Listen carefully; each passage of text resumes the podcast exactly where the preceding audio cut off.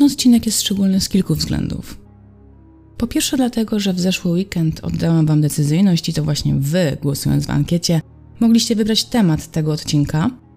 Po drugie, dlatego, że jest to jedna z najbardziej tajemniczych spraw, jakie przyszło mi opracowywać na tym kanale, a jak wiecie, trochę tych historii Wam już naopowiadałam. A po trzecie, dlatego, że po raz kolejny odcinek ten powstał dzięki pomocy jednego z Was.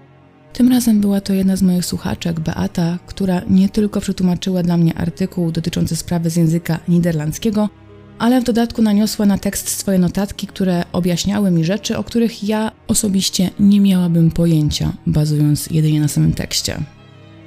Wszyscy więc gorąco podziękujmy Beacie, bo to właśnie między innymi dzięki niej mogę Wam opowiedzieć dzisiaj o mogile na plaży. A jest o czym opowiadać, bowiem ta historia ma w sobie wszystko komunistycznych szpiegów, morskich przemytników, handlarzy narkotykami, międzywojenne dancingi, zdrady, oszustwa, szpiegostwo. No, łatwiej chyba powiedzieć, czego tutaj nie ma.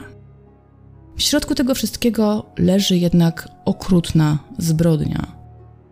Zbrodnia, która przy takim nagromadzeniu szemranego towarzystwa naprawdę jest trudna do rozwikłania, chociaż jak zobaczycie, na pierwszy rzut oka będzie się wydawało, że rozwiązanie mamy podane niemal na tacy.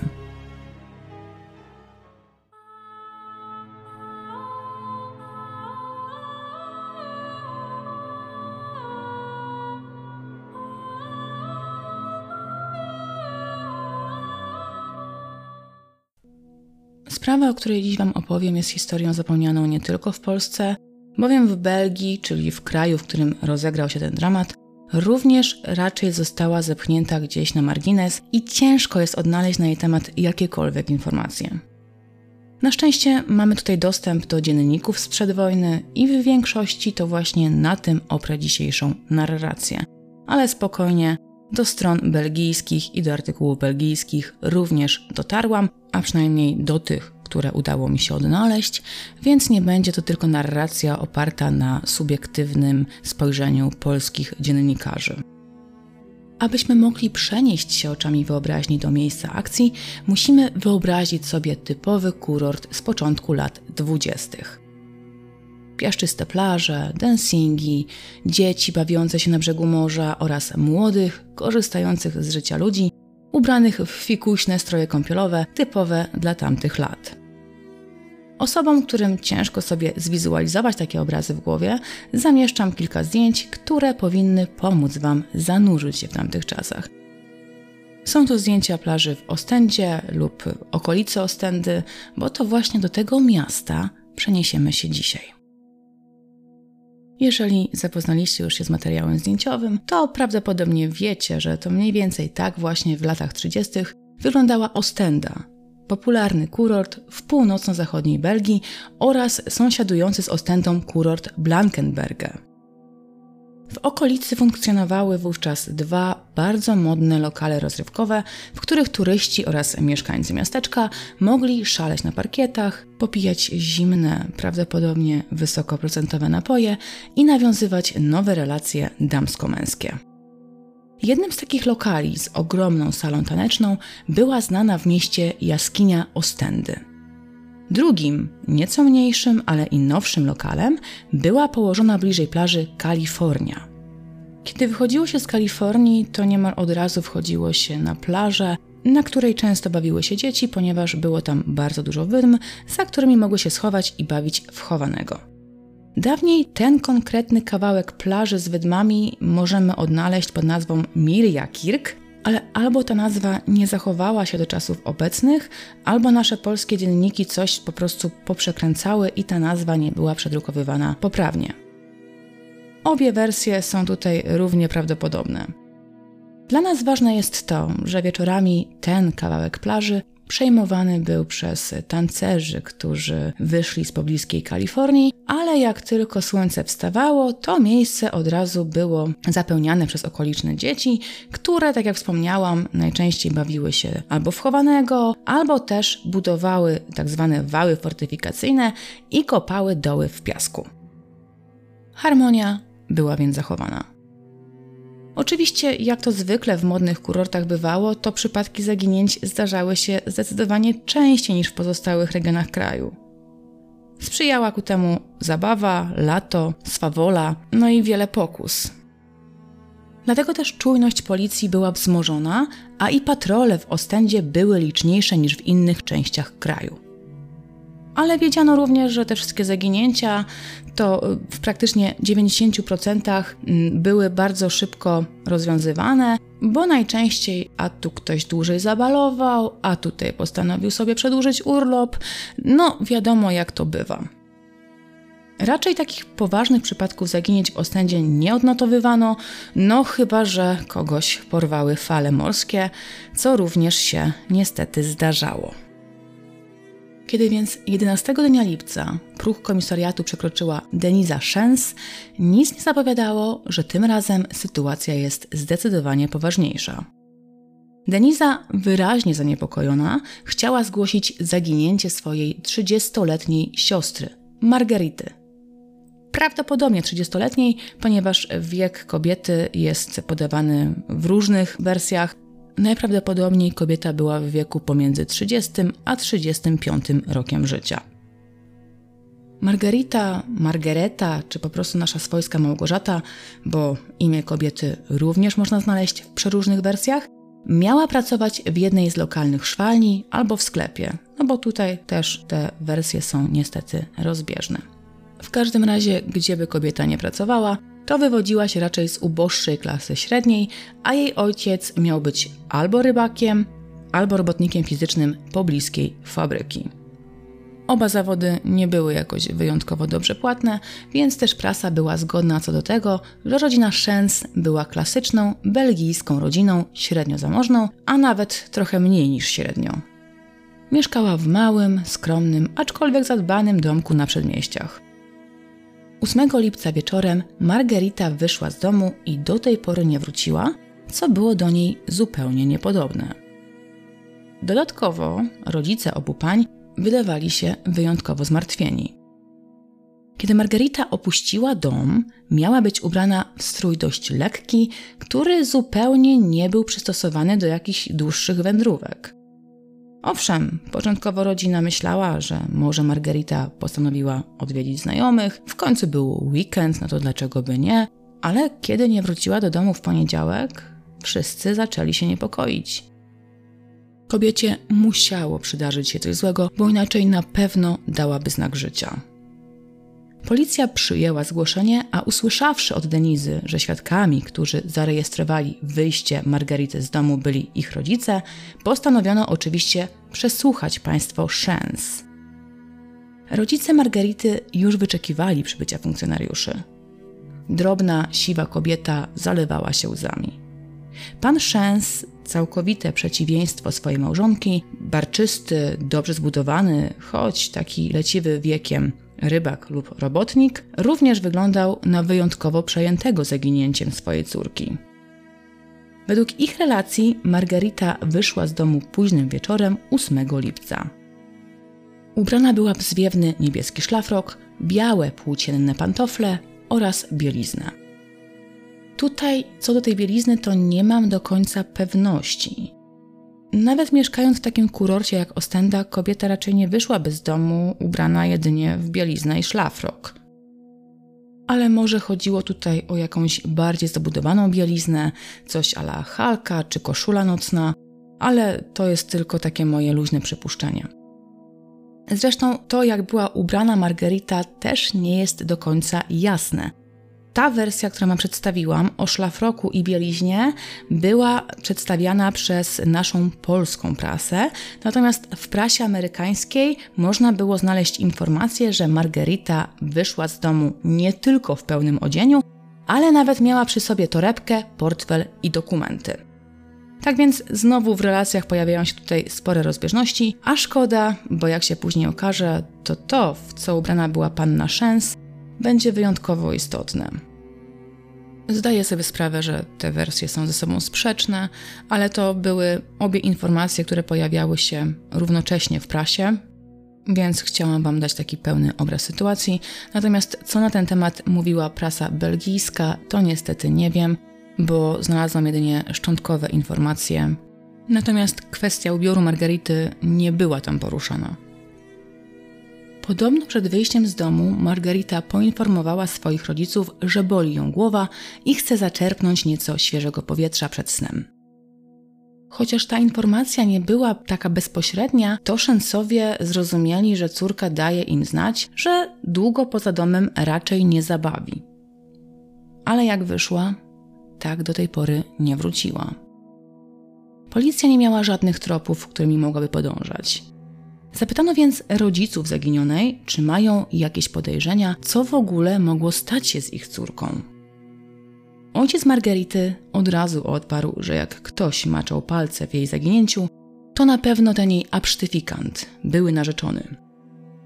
Margarita spotykała się z nim już od pięciu czy sześciu lat i chociaż początkowo wydawał się on rozsądnym kandydatem na męża, to z czasem państwo Szens patrzyli na niego coraz bardziej podejrzliwie bo z ich córką to spotykał się chętnie, a i owszem, ale jakoś tak na temat ślubu to się słowem nie zająknął. Dodatkowo po kurorcie chodziły plotki, jakoby wybranek Margarity nie do końca dochowywał Margaricie wierności. Podobno miał to być taki nadmorski Kasanowa, który lubił towarzystwo płci przeciwnej, płci pięknej, chociaż jego wybranka mieszkała w tym samym kurorcie. Widać było, że mężczyzna nie przykłada dużej wagi do tej znajomości, nie jest ona dla niego jakaś wyjątkowo poważna, chociaż Margarita uważała inaczej. Ona mu wierności dochowywała i była pełna nadziei i przekonania, że coś z tego kiedyś będzie. A to coś, to mówiąc inaczej, po prostu ślub. Margarita była przekonana, że jej wybranek wkrótce stanie się jej małżonkiem. Kiedy ojciec Margarity zdał sobie sprawę, że z tej znajomości nic konkretnego nie będzie, a jego córka jest najzwyczajniej w świecie mówiąc wykorzystywana i bałamucona, zakazał jej kontaktów z mężczyzną. Ale ona nie słuchała. Była przekonana, że jeżeli tylko wykaże się większą cierpliwością, to wkrótce pierścionek zaręczynowy pojawi się na jej palcu. Była po prostu beznadziejnie zakochana i żadne prośby i groźby do niej nie docierały. I tak czekała. Rok, dwa, trzy lata. I im bardziej zaczynała się niecierpliwić, tym bardziej jej ukochany się od niej oddalał. W końcu nawet Margarita zrozumiała, że przez te wszystkie lata wystawiała się na pośmiewisko lokalnej ludności, a jej ukochany nigdy się z nią nie ożeni. Przed pięcioma tygodniami para definitywnie zakończyła swój romans. Ale, co ciekawe, Inicjatorem tego rozstania nie była Margarita, ale jej ukochany, który, jak argumentował, już od dłuższego czasu był zmęczony tą relacją. Chociaż rodzice nie wiedzieli nic na temat rozstania Margarity z jej ukochanym, to pośrednio potwierdzili, że do takiego rozstania doszło. Przyznali, że faktycznie ich córka jakoś od miesiąca rzadko wychodziła z domu, co mogło świadczyć o tym, że nie spotykała się już ze swoim ukochanym. Siostra Margarity, Deniza, potwierdziła przypuszczenia śledczych, przypuszczenia jej rodziców i poświadczyła, że faktycznie romans jej siostry zakończył się przed pięcioma tygodniami i wiedziała o tym, ponieważ Margarita sama jej to zakomunikowała. Ale też nie wiadomo, czy to rozstanie tak do końca miało być ostateczne, to znaczy dla jej ukochanego było, ale sama Margarita nie mogła się pogodzić z tym rozstaniem. Czuła, że jej dobre imię zostało zszargane, a ludzie śmiali się z jej naiwności za jej plecami. Miała więc nadzieję, że jakoś uda jej się namówić swojego byłego ukochanego do zalegalizowania tego związku, co by uratować swoją opinię wśród lokalnej ludności. Chociaż ustalono, że oficjalnie związek został zakończony, to jednak policja postanowiła przesłuchać mężczyznę, który był ukochanym Margarity, chociażby z tego względu, że jeżeli faktycznie Margarita nie chciała odpuścić tego związku i nachodziła mężczyznę, no to już byłby dosyć spory argument za tym, żeby pozbyć się namolnej kochanki, czy tam byłej kochanki. I tutaj od razu zaznaczam, że nie wiem, czy będę poprawnie wymawiała imię i nazwisko mężczyzny, który był ukochanym Margarity, ale gdzieś znalazłam jakiś mały wycinek nie wiem, czy podcastu, czy to jest wycinek radiowy, który dotyczył tej sprawy, więc postaram się wymawiać nazwisko tak, jak właśnie było wymawiane w tym materiale. Natomiast, żebyście też byli w stanie znaleźć cokolwiek na ten temat, bo czasami wiem, że lubicie sobie poszukać informacji również na własną rękę, to imię i nazwisko mężczyzny pisane było jako Octave V. Fels. Speaker belgijski czytał to nazwisko w formie Wifile, więc ja też taką formą będę się tutaj posługiwać. Nie wiem czy poprawną, ale załóżmy, że wszystko jest w porządku. Nie utrudniajmy tutaj sobie pracy. 43-letni Oktawian Wifile, i tutaj również zaznaczam, że imię naszego bohatera spolszczam, ponieważ tak też mężczyznę nazywała nasza polska prasa, zresztą mieliśmy w zwyczaju spolszczać wszystkie zagraniczne imiona, a imię Wifile również było pisane w różnych odmianach. To naprawdę nie ma tutaj znaczenia, jak naprawdę brzmiało imię mężczyzny, bo w każdej z tych wersji była to nasza polska odmiana Oktawiana. Pozwólcie więc, że ułatwię sobie tutaj sprawę, a Wam odbiór tej historii i będę się posługiwała po prostu polską wersją tego imienia. Jak udało się ustalić, Oktawian pracował jako radiotelegrafista czy też łącznościowiec na statku pasażerskim księżniczka Mary Joseph. Statek ten kursował pomiędzy Belgią a Anglią, uszczególniając to pomiędzy Ostendą a Dover. Plotki głosiły, że był znany jako lokalny Kasanowa, ale ile w tym prawdy, a ile po prostu czystej złośliwości i takich mitów, które nagromadziły się wokół tej sprawy, to tak naprawdę niestety jak zwykle nie wiadomo. Prawdą natomiast był fakt, że tak jak wspomniałam, Oktawian miał już 43 lata i do tej pory nie zdecydował się na założenie rodziny. Być może mężczyzna lubił swój kawalerski styl życia, a być może po prostu zdawał sobie świetnie sprawę z tego, że jako marynarz no, nie do końca ma warunki ku temu, by osiąść gdzieś na stałe i się usadkować. A może nawet tego nie chciał. Oktawian potwierdził przed policjantami, że faktycznie przez wszystkie te ostatnie lata spotykał się z Margaritą, ale ich związek był już przeszłością. Jego zeznanie pokrywało się z tym, czego policja dowiedziała się od rodziny zaginionej. Para rozstała się mniej więcej miesiąc temu. Co prawda, gdzieś pojawiła się taka mała e, anotacja, chyba w naszym tajnym detektywie, że Oktawian miał przyznać, że chciał się spotkać z Margaritą i rozmówić, ponieważ właśnie e, podążała za nim jak cień. Chciała z nim koniecznie porozmawiać i uzgodnić ich rozstanie, a raczej coś, czego ona nie chciała uznać za rozstanie ale kobieta nie pojawiła się w wyznaczonym terminie na miejscu. Mówię Wam o tym, żebyście mieli taki pełny obraz sytuacji, ale sama osobiście uważam, że to po prostu była już nieco fantazja dziennikarska, bo jest to historia, którą przeczytałam tylko w naszym tajnym detektywie, więc bardzo prawdopodobne jest tutaj to, że dziennikarze tajnego detektywa po prostu chcieli sobie ubarwić tę historię. Co zresztą często mieli w zwyczaju. W związku z tą relacją pojawiło się wiele niepotwierdzonych spekulacji. O części już Wam delikatnie wspomniałam, bo na przykład byli tacy, którzy twierdzili, że Margarita nachodziła swojego byłego, chyba nieoficjalnego narzeczonego, a wręcz, że go po prostu szpiegowała. Nie bardzo to pasowało mężczyźnie, dlatego też starał się on unikać swojej byłej ukochanej jak ognia. Jeszcze inni mówili, że Oktawian wysyłał do niej tajemnicze listy z prośbą o spotkanie, czyli dokładnie to, co wam powiedziałam chwilkę wcześniej.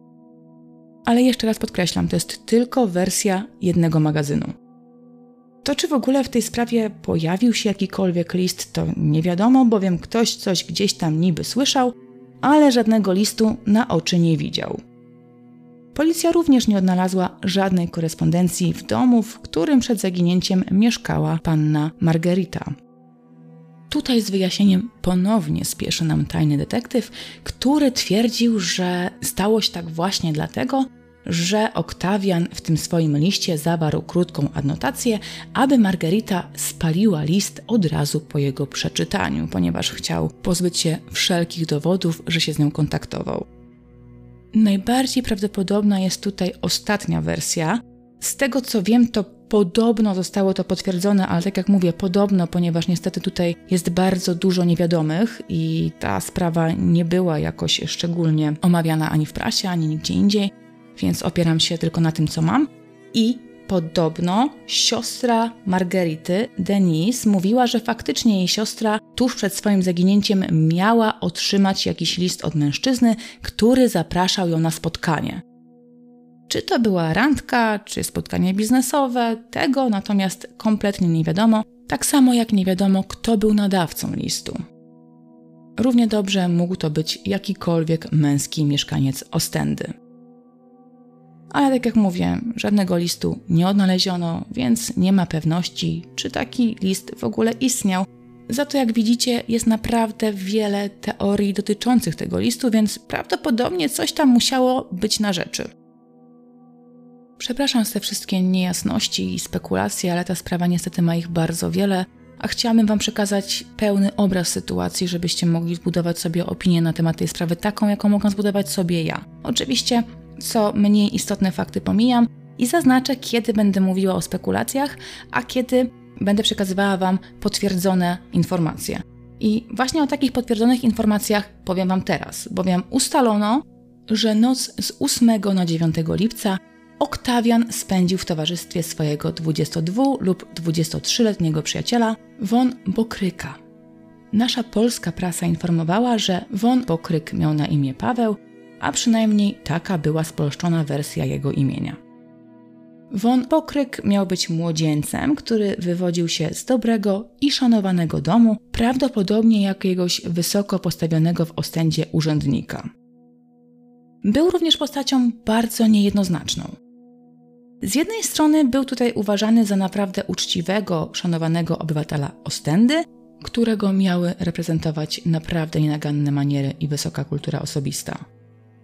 Z drugiej strony krążyły plotki, jakoby młody von Bokryk kręcił się w szemranym towarzystwie.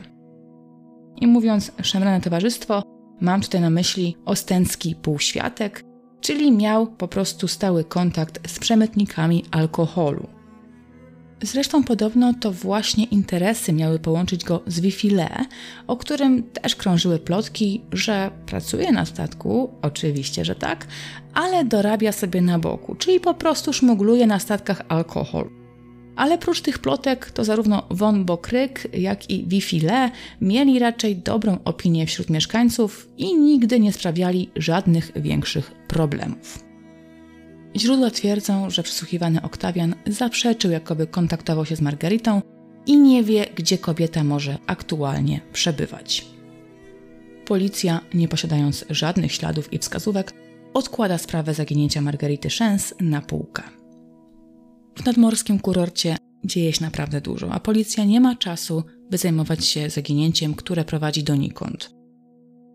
W kolejnych dniach Wifile wsiada na okręt i wyrusza w swój kolejny rejs. Mniej więcej w tydzień po jego wyjeździe, po jego wypłynięciu z Ostendy, kurort znów zostaje postawiony na nogi. Tym razem morze wyrzuciło na brzeg ciało niezidentyfikowanej kobiety. Na komisariat policji zgłasza się Von Bokryk i pyta mundurowych, czy odnalezione ciało nie należy czasem do Margarity Szens. Jego zainteresowanie sprawą z jednej strony można uznać tutaj za podejrzane, z drugiej zaś jego dobry znajomy był tutaj podejrzany w sprawie zaginięcia kobiety. No to takie zaaferowanie sprawą można łatwo wytłumaczyć. Być może von Bokryk obiecał Oktawianowi, że pod jego nieobecność będzie po prostu monitorował tę sprawę, no bo chociaż para się rozstała, to niewykluczone, że Wifile był zmartwiony nagłym zaginięciem Margarity, no zwłaszcza, że to on był głównym podejrzanym. Mogło być i tak, że Van Bokryk, robiąc interesy z Wifile, chciał po prostu uniknąć skandalu. A być może sam chciał wiedzieć, z jakim człowiekiem ma do czynienia, ale tutaj możemy sobie tak spekulować w nieskończoność. Jego zamiarów i tak pewnie nie odgadniemy, ale też nie przykładałabym aż tak wielkiej wagi do tego zainteresowania von Bokryka, no bo w końcu to on spędził noc z 8 na 9 lipca w towarzystwie Wifile, więc teoretycznie, gdyby próbowano połączyć Oktawiana z zaginięciem, czy nawet jeżeli tutaj pojawiło się już ciało, to być może i z zabójstwem Margarity Szens, to on również mógł zostać pociągnięty do odpowiedzialności. A już na pewno byłby ciągany po komisariatach. Jeżeli wierzyć dziennikarzom, to po prostu Von Bokryk chciał, można powiedzieć, e, zrobić z siebie głupka, zagrać głupka, że interesuje się sprawą, bo nie wie, co się stało z Margaritą. Szybko jednak się okazało, że odnalezione ciało nie należało do zaginionej Margarity Szens. Było to ciało pewnej młodej Angielki, której zaginięcie również zostało zgłoszone jakiś czas wcześniej. A raczej może nie tyle zaginięcie, co prawdopodobne utopienie, bowiem kobieta miała wejść do morza, zostać zabrana przez fale i na plażę już nie wróciła.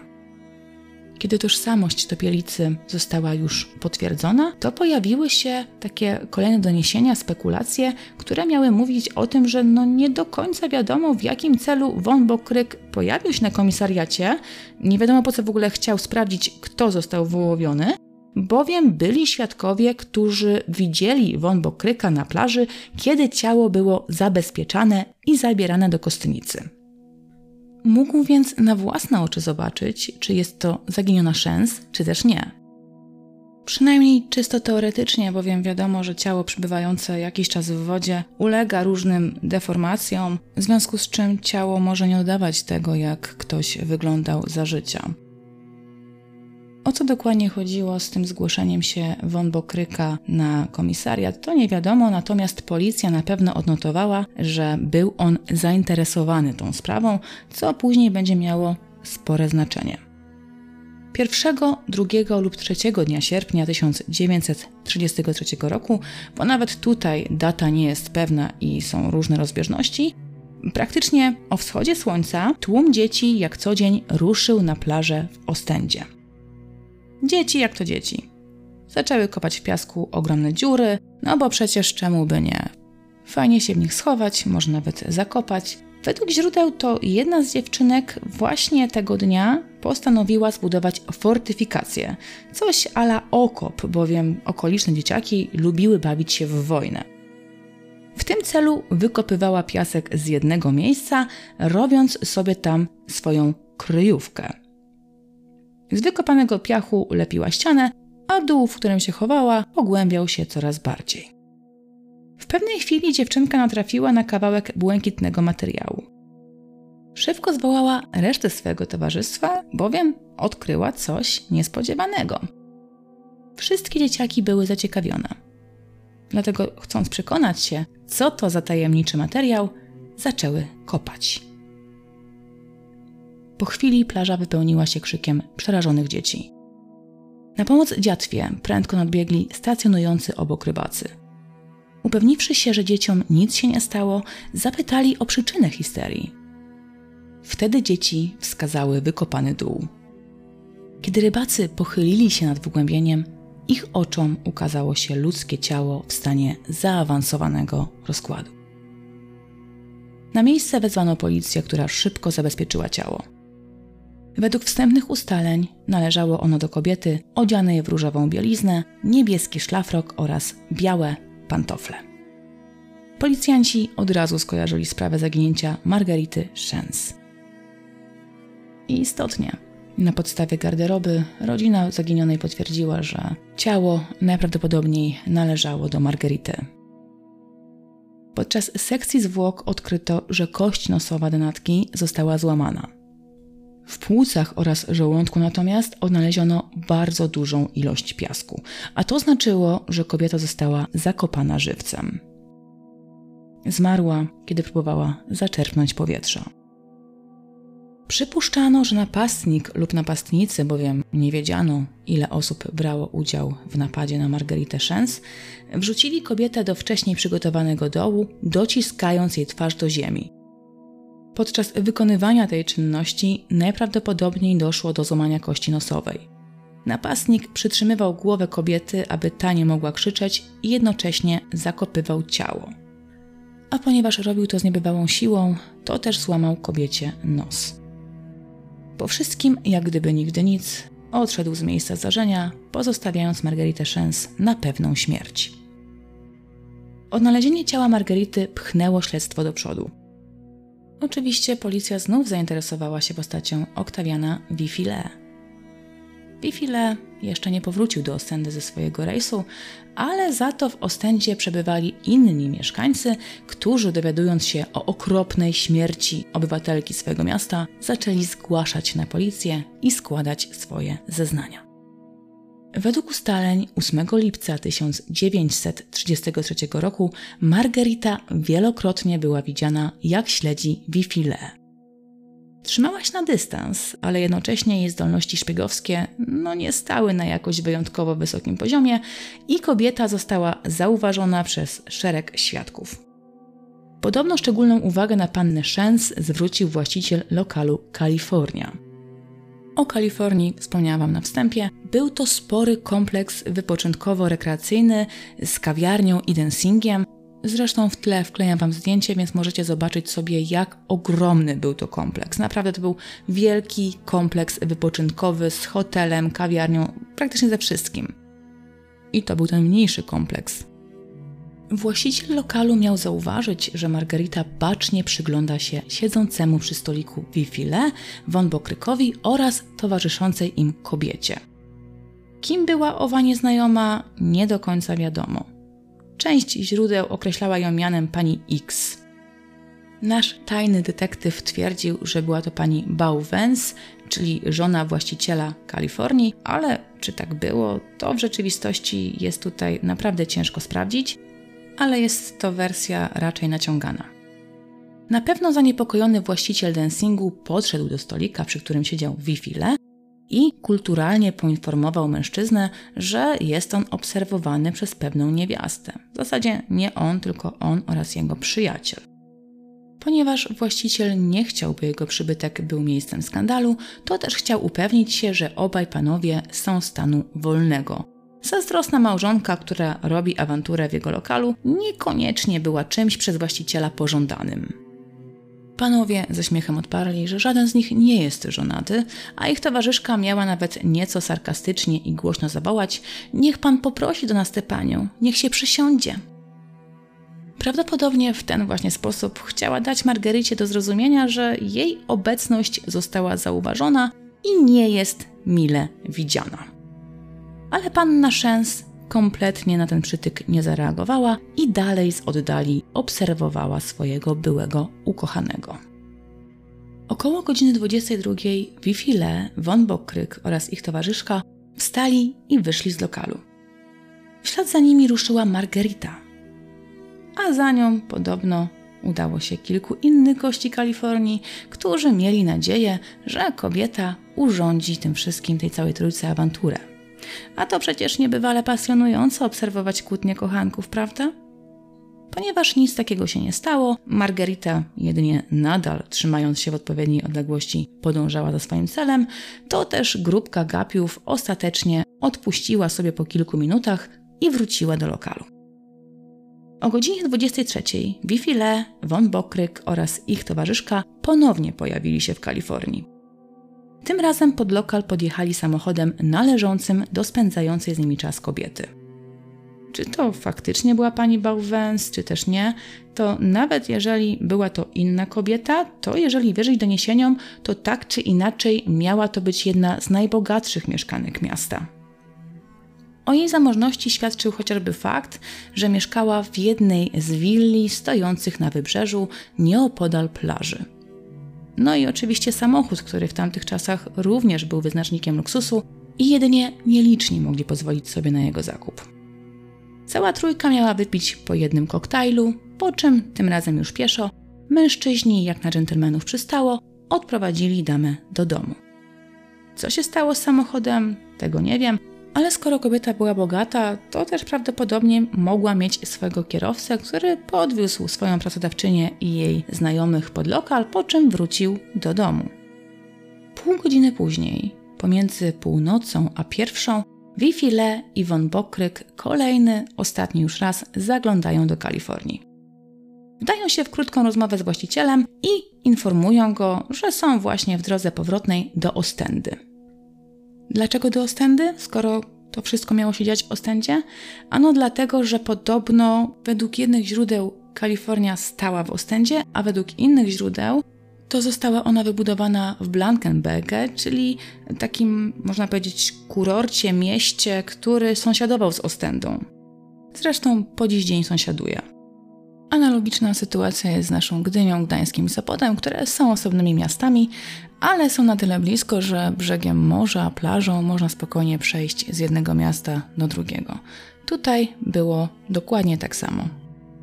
Kiedy panowie pojawili się w Kalifornii, to właściciel odnotował, że Margarity nigdzie nie było w okolicy. Ale właściciel był też wtedy przekonany, że kobieta po prostu zgubiła swojego ukochanego, kiedy ten wsiadł do samochodu.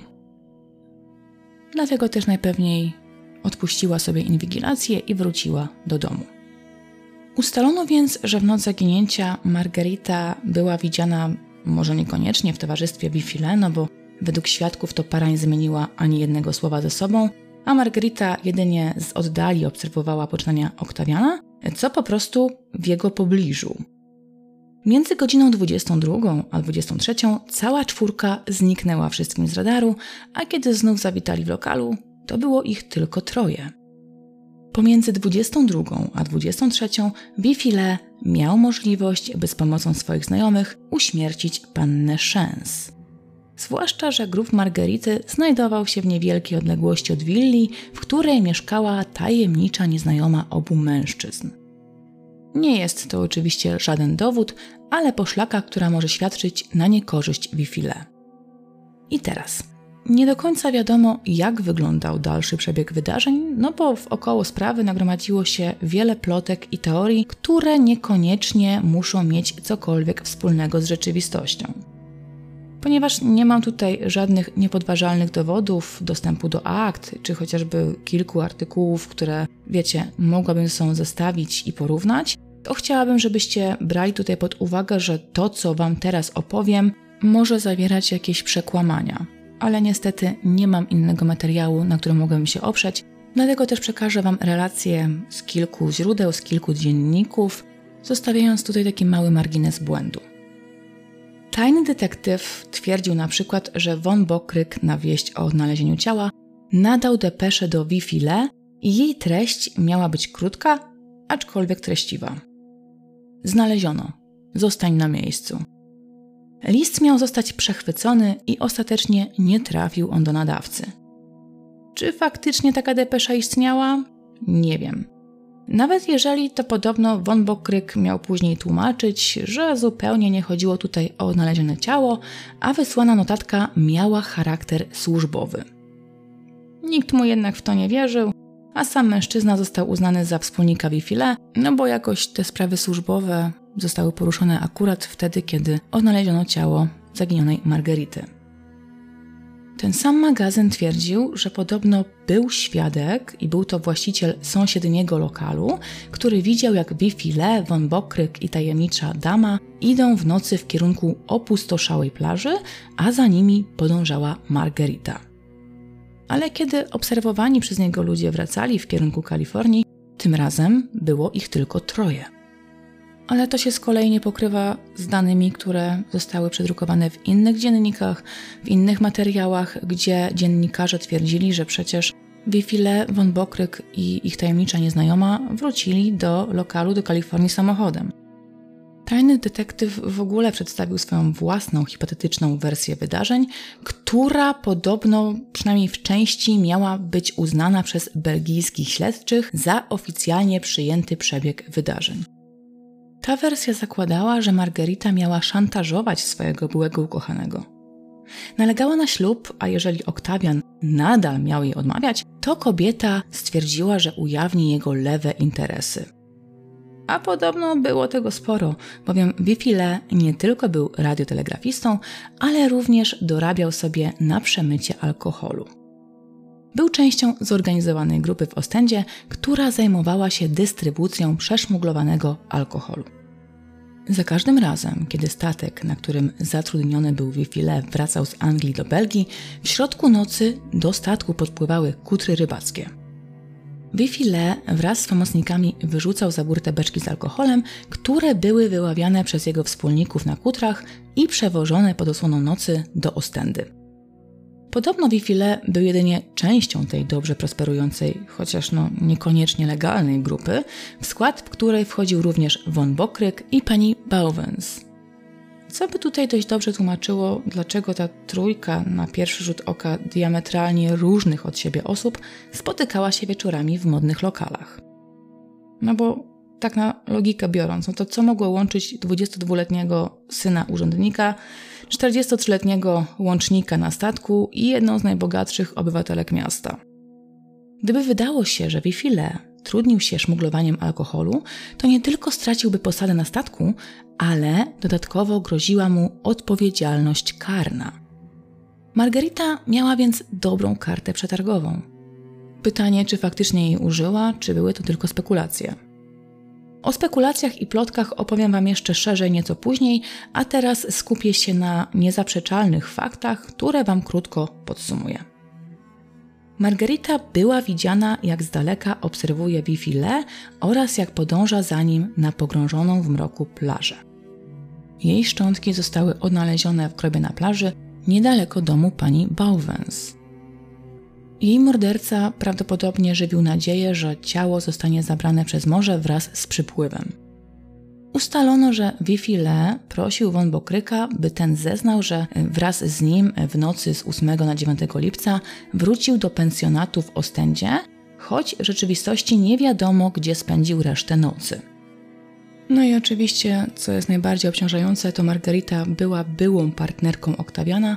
W dodatku prawdopodobnie nie potrafiła ona zaakceptować końca ich związku i niewykluczone, że go szantażowała i próbowała po prostu nakłonić go w ten sposób do zawarcia małżeństwa. Ewidentnie wszystkie przesłanki świadczyły o tym, że to właśnie Wifile jest odpowiedzialny za śmierć Margarity Szens. Na jego winę nie było jednak żadnych niepodważalnych dowodów, dlatego ostatecznie ani jemu, ani von Bokrykowi, ani tajemniczej kobiecie, która również mogła brać udział w morderstwie, nie postawiono żadnych zarzutów. Takiej decyzji nie potrafiła zaakceptować rodzina denatki.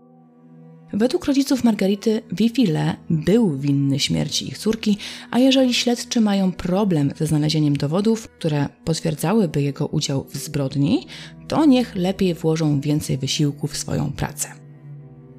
Państwo Szens nie zamierzali odpuszczać. Dowiedziawszy się o wypuszczeniu Wifile z aresztu, złożyli oficjalną skargę na śledczych odpowiedzialnych za prowadzenie śledztwa w sprawie śmierci Margarity Szens. Skarga została uwzględniona, a prokuratura, prawdopodobnie chcąc uniknąć skandalu, zdecydowała się oskarżyć Oktawiana Wifile o morderstwo. Co znamienne, tylko jego. Pozostała dwójka, która towarzyszyła mu tej krytycznej nocy, nie usłyszała żadnych zarzutów.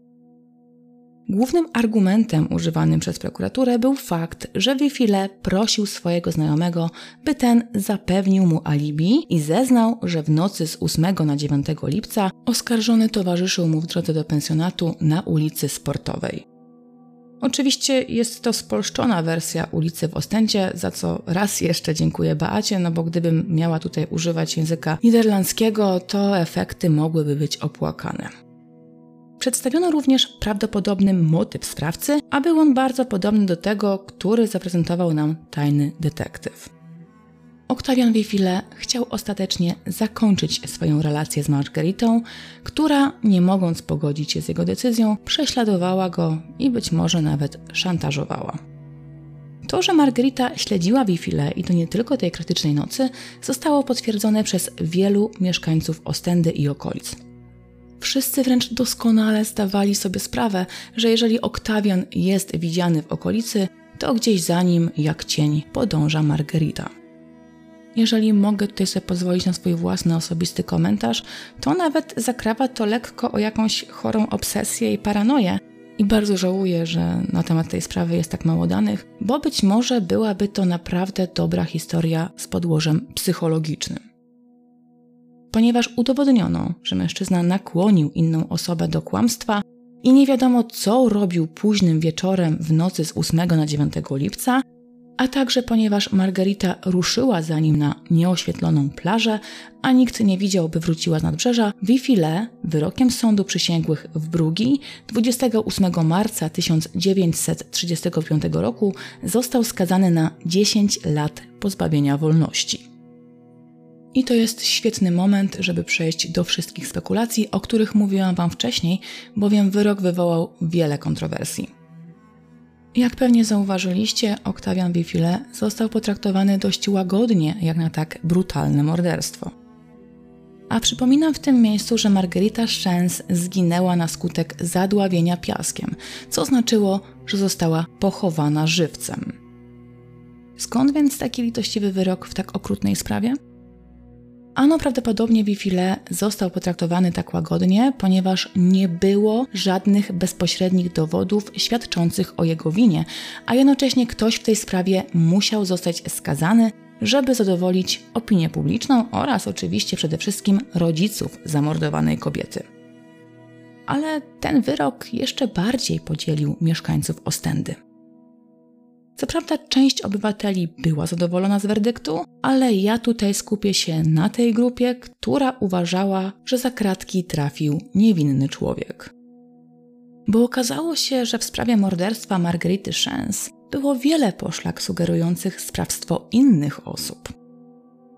Pojawili się świadkowie, którzy byli przekonani, że Margarita również była powiązana z grupą trudniącą się przemytem alkoholu, a nawet, że trudniła się przemytem narkotyków.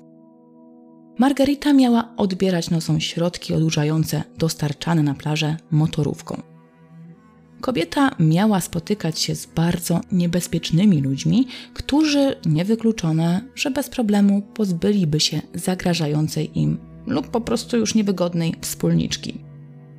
Ktoś nawet wspomniał coś o tym, że panna Szens nie tylko miała rozprowadzać zakazane środki, ale również była od nich uzależniona.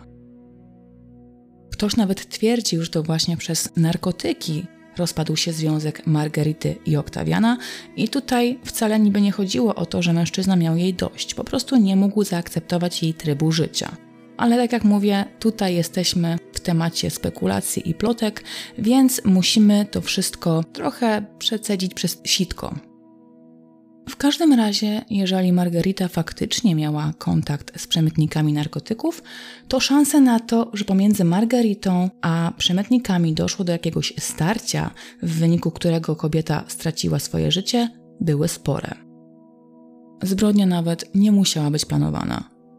Pamiętacie, że kobieta została znaleziona w dole, więc tak na chłopski rozum moglibyśmy podejrzewać, że ktoś ten dół musiał wcześniej wykopać. Ale niekoniecznie tak musiało być. To było miejsce, w którym bawiły się dzieci. Tam było naprawdę dużo wykopanych i niezasypanych dołów. Wystarczyło po prostu któryś wykorzystać. Ta zbrodnia wcale nie musiała być planowana. Sprawca lub sprawcy mogli po prostu improwizować. Coraz częściej wspominano również o mężczyźnie nazwiskiem Corman, Matthew Corman. Był to właściciel ostendzkiej księgarni.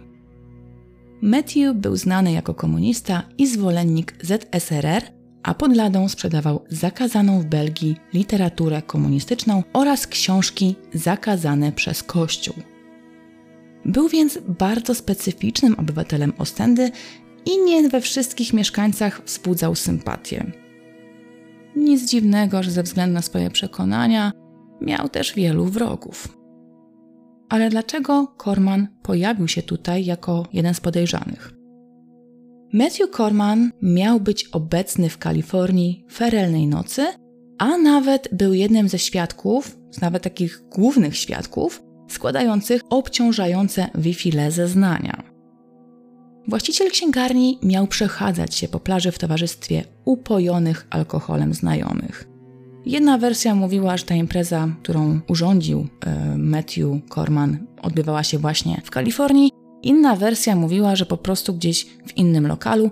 W każdym razie na pewno Corman miał być obecny w tamtym miejscu, kiedy zginęła panna Szens. Uszczególmy sobie, dokładnie w tym miejscu, w którym później odnalezione zostało ciało Margerity. Ale dlaczego jego postać wydała się podejrzana? Po co Korman miałby zabijać kobietę, z którą nic go nie łączyło? Ano dlatego, że pojawiły się spekulacje, które tutaj sugerowały, że Margarita przed śmiercią została wykorzystana seksualnie. O prawdziwości tej teorii miał świadczyć strój denatki, która była ubrana w samą bieliznę. Według osób, które miały bezpośredni dostęp do ciała, ta bielizna była nawet rozerwana.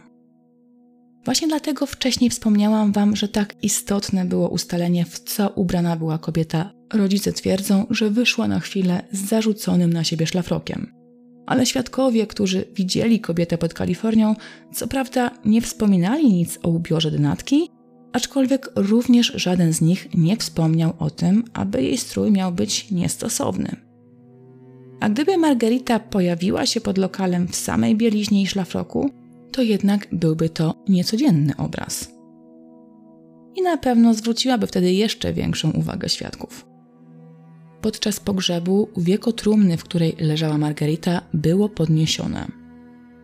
Ludzie, którzy brali udział w ostatnim pożegnaniu Margarity, podnosili, że kobieta nie była w pełni ubrana, co miało tutaj potwierdzać teorię o wykorzystaniu seksualnym.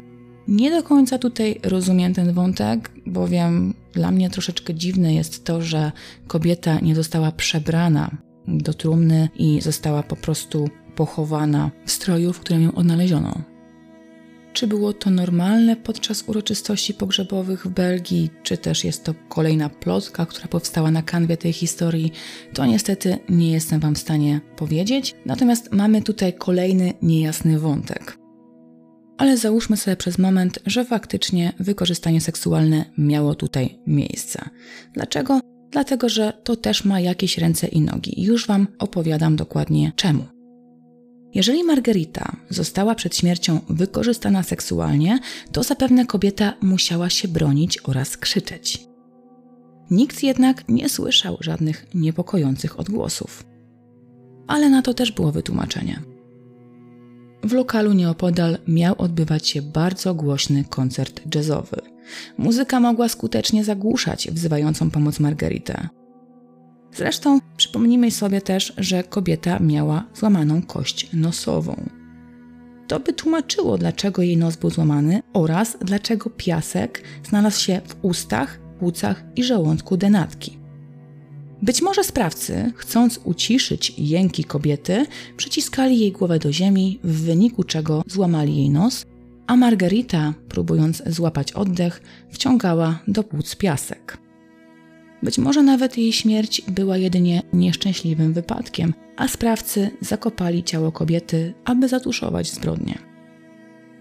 W roku 1936 jeden z belgijskich dzienników zaczął forsować tezę sugerującą winę Kormana. Ten wątek bardzo szybko został podchwycony i w roku 1937 policja otrzymała list od anonimowego informatora. Autor anonimu przekonywał, że ma dowody na to, że to właśnie Korman dopuścił się zbrodni morderstwa. Właściciel księgarni szybko zareagował na te pomówienia i pozwał do sądu dziennikarzy sugerujących jego udział w zbrodni. Sprawę zresztą wygrał i w roku 1939 dziennikarze publikujący niepochlebne Kormanowi artykuły zostali skazani za pomówienia i zniesławienie. Chociaż przestano podejrzewać Kormana, to był to dopiero początek całej sprawy. Zaczęto bowiem podejrzewać, że faktycznie Margarita zginęła nie ze względu na skomplikowaną relację z Wifile, ale padła ofiarą zbrodni seksualnej. W Ostendzie głośno było o przypadkach tzw. Tak wydmowych podglądaczy, czyli osób, najczęściej mężczyzn, którzy ukrywali się w mroku za wydmami i podglądali uprawiające seks pary. Niewykluczone, że jednemu z nich Margarita wpadła w oko. A jeśli wracała sama, to mogła być idealnym celem do ataku. Dodatkowo wyszło na jaw, że w trakcie prowadzenia śledztwa, które miało naprowadzić policjantów na winnego śmierci Margarity Szens, doszło do wielu zaniedbań ze strony policji.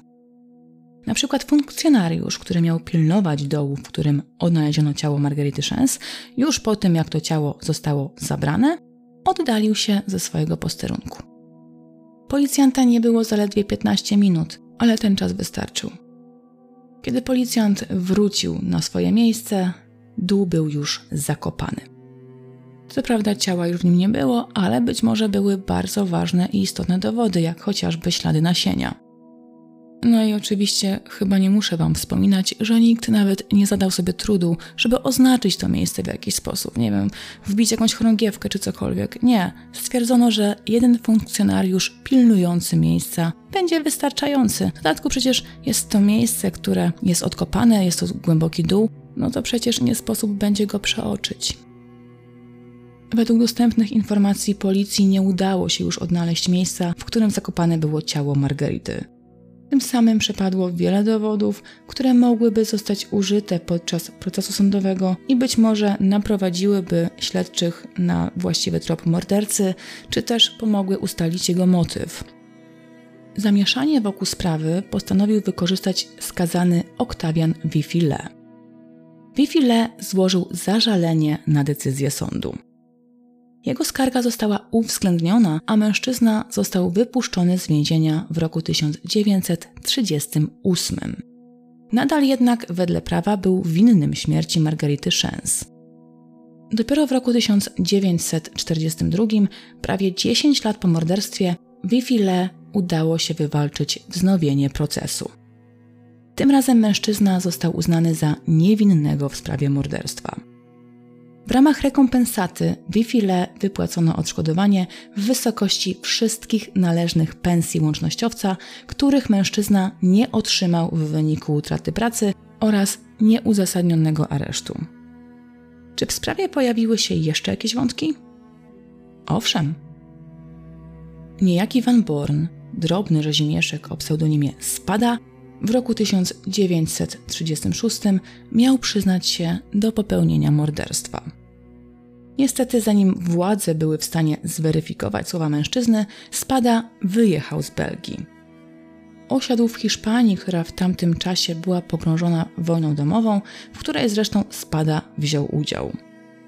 Po powrocie do kraju oczywiście został przesłuchany przez policję, ale wyznał, że tak naprawdę to nigdy nic nie wiedział w sprawie morderstwa na wydmach. Chciał jedynie wzbudzić zainteresowanie i sprawą, i swoją osobą. Z powodu braku dowodów przeciwko Van Bornowi mężczyźnie nie postawiono żadnych zarzutów. Tak naprawdę po dziś dzień śmierć Margarity Szens nie doczekała się oficjalnego rozwiązania. Po procesie, w którym Wifile został uniewinniony od zbrodni, lokalna ludność podzieliła się na kilka obozów. Część mieszkańców wierzyła w winę łącznościowca i uważała, że został on uniewinniony jedynie z braku niepodważalnych dowodów. Ale niezaprzeczalnie to on jako ostatni był widziany w towarzystwie Margarity i miał dosyć dobry motyw, by pozbyć się byłej kochanki. Być może nawet pomógł mu przy tym Von Bokryk i tajemnicza nieznajoma, którzy również mogli mieć motyw i powody, by uciszyć pannę Szens. Tutaj musimy wtedy wziąć pod uwagę, że ta teoria o szantażu byłaby prawdziwa, a Van Bokryk i tajemnicza nieznajoma faktycznie brali udział w przemycie alkoholu i nie chcieli, aby to wszystko wyszło na jaw, ponieważ pewnie czekałaby ich za to sprawa karna. Już o utracie twarzy i autorytetu tutaj nawet nie wspominam. Inna część uważała, że najbardziej prawdopodobnym sprawcą był podglądacz. Niekompletny strój denatki sugerował, że padła ona ofiarą zbrodni seksualnej. Brak jest jednak jakichkolwiek danych na temat przeprowadzonej sekcji zwłok. Poza wzmianką na temat piasku w żołądku i płucach oraz złamanej kości nosowej, nic więcej nie wiadomo. Nie wiemy, czy w drogach rodnych kobiety zabezpieczono ślady nasienia, co jednoznacznie tutaj wskazywałoby na motyw zbrodni. Ale brak informacji niekiedy też jest informacją. Być może żadne ślady biologiczne nie zostały odkryte, a może po prostu badanie szczątków nie zostało przeprowadzone z należytą starannością i nikt nie zadał sobie trudu, by sprawdzić, czy na ciele lub w ciele Margarity są jakiekolwiek ślady nasienia. Jeszcze inni byli pewni, że Margarita padła ofiarą handlarzy narkotyków. Margarita albo mogła być niewygodną wspólniczką przemytników, o czym Wam wspomniałam wcześniej, a tym samym mogła wiedzieć za dużo, albo wręcz przeciwnie. Pojawiły się głosy, że Margarita kompletnie nic nie wiedziała na temat przemytu. Ale kiedy jej ukochany odjechał samochodem spod posiadłości swojej towarzyszki, Margarita zgubiła trop. Być może nawet troje śledzonych osób intencjonalnie wsiadło do samochodu, by pozbyć się niechcianego obserwatora. Ale tym samym Margarita została pozostawiona sama sobie w samym środku nocy na ciemnej plaży. Wracając samotnie do domu, mogła być przypadkowym świadkiem. Nocami na plażach pełno było typów spod ciemnej gwiazdy. Z jednej strony Ostenda, jako kurort nadmorski, było miejscem rozrywki i miejscem wypoczynku, z drugiej strony w nocy zamieniała się w miejsce bardzo niebezpieczne, ponieważ była to miejscowość nadmorska, to nielegalny przemyt, był tam chlebem powszednim. Być może Margarita zobaczyła coś, czego zobaczyć nie powinna. I właśnie dlatego została zamordowana. Teoriami, które wydają się najrzadziej powtarzane i są chyba najmniej wiarygodne, jest sprawstwo przypisywane Spadzie oraz Kormanowi. Spada nie wiedział kompletnie nic na temat morderstwa i prawdopodobnie chciał jedynie zyskać tutaj poklask wśród swoich wspólników.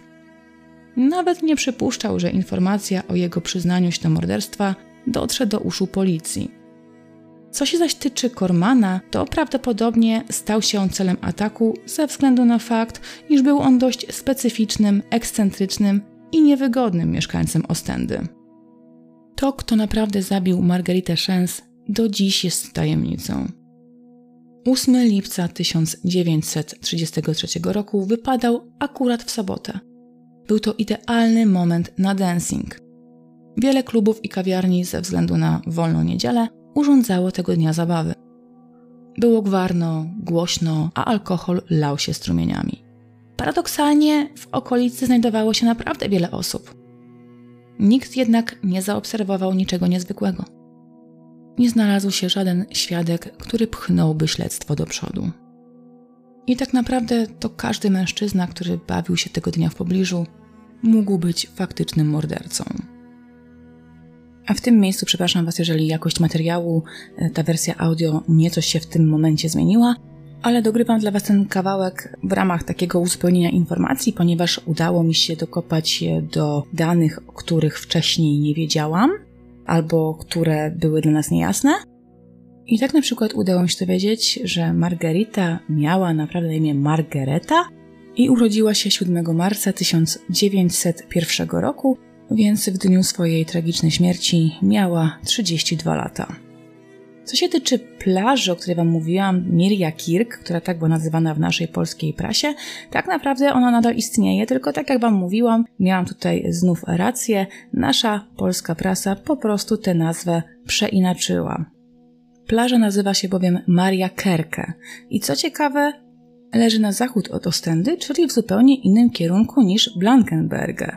Prawdopodobnie więc cała ta historia działa się właśnie w Ostendzie lub jej bardzo bliskim pobliżu, więc dlaczego tam pojawiła się informacja, że Wifile miał wracać z Blankenberge do Ostendy, to nie wiem, ale tu chyba po prostu chodziło o to, że wracał z tych obrzeży, z tych terenów podmiejskich prosto do pensjonatu, który zapewne znajdował się gdzieś w centrum Ostendy.